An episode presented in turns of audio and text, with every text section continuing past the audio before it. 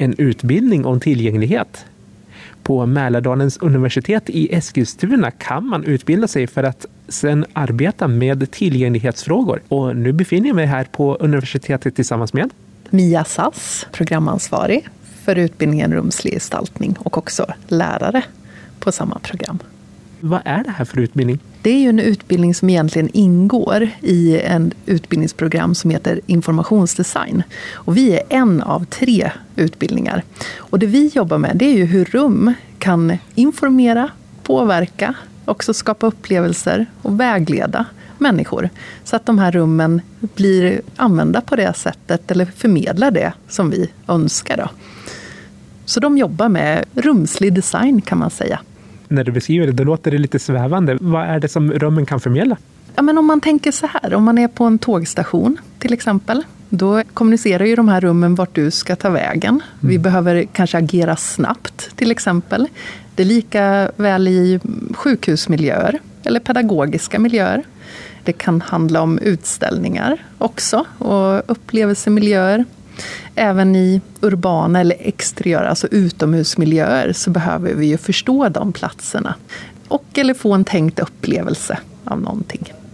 Det här med fysisk tillgänglighet är ett otroligt brett begrepp. Om du pratar med en rullstolsburen person så får du ju en version av vad som är tillgängligt. Mm. Om du pratar med en synskadad så får du en helt annan.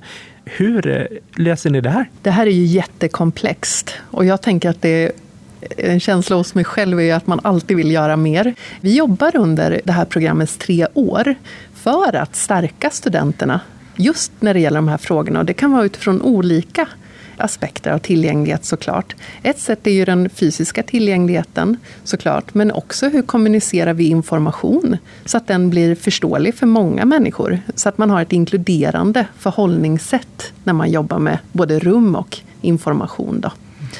Men inte helt lätt. Men vår önskan är att studenterna kommer ut eh, efter den här utbildningen och har både förståelse och engagemang i de här frågorna.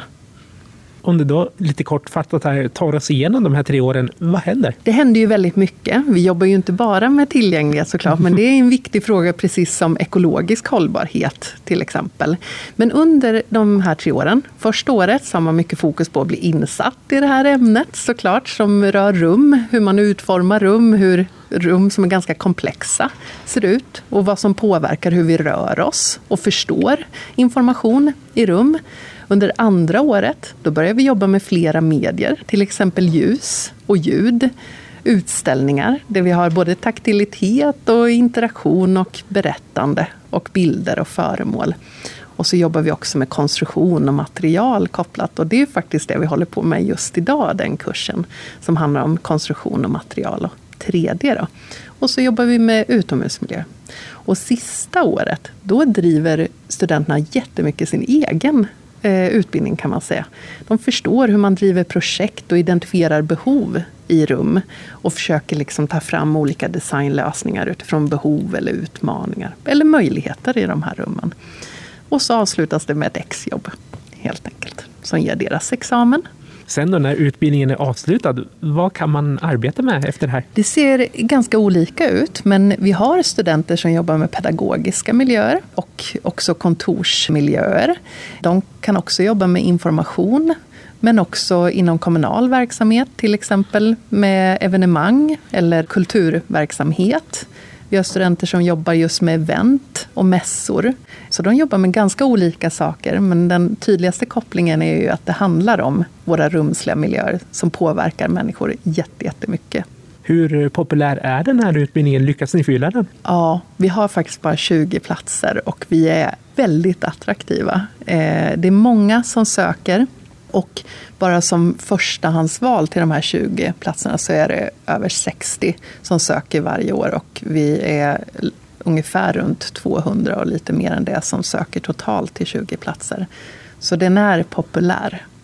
Är det här en unik utbildning för Mälardalens universitet eller finns det liknande på andra lärosäten? Ja, alltså så här, tittar man på rum och liksom, det finns ju många utbildningar som rör det. Vi har arkitektur, det kan handla om inredningsarkitekter och så. Men det som faktiskt är helt unikt, skulle jag säga, i Sverige med vårt program, det är faktiskt kopplingen till informationsdesign. Vårt kärnämne och huvudämne.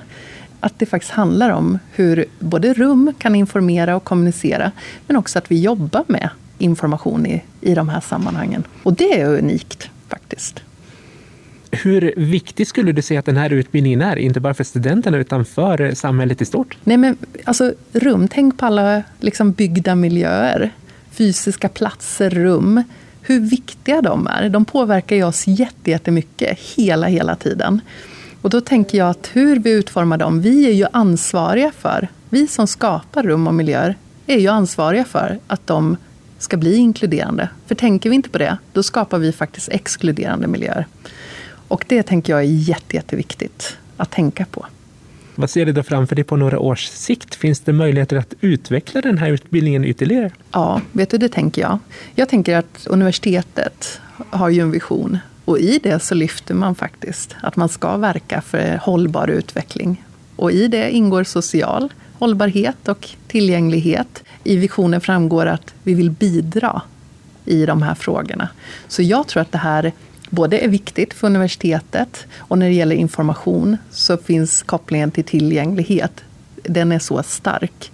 Så jag tror att det finns stor utvecklingspotential i alla utbildningar när det gäller det här. Och jag kommer fortsätta driva den här frågan och se hur vi kan jobba med den i olika kurser. Tack Mia. Tack så jättemycket.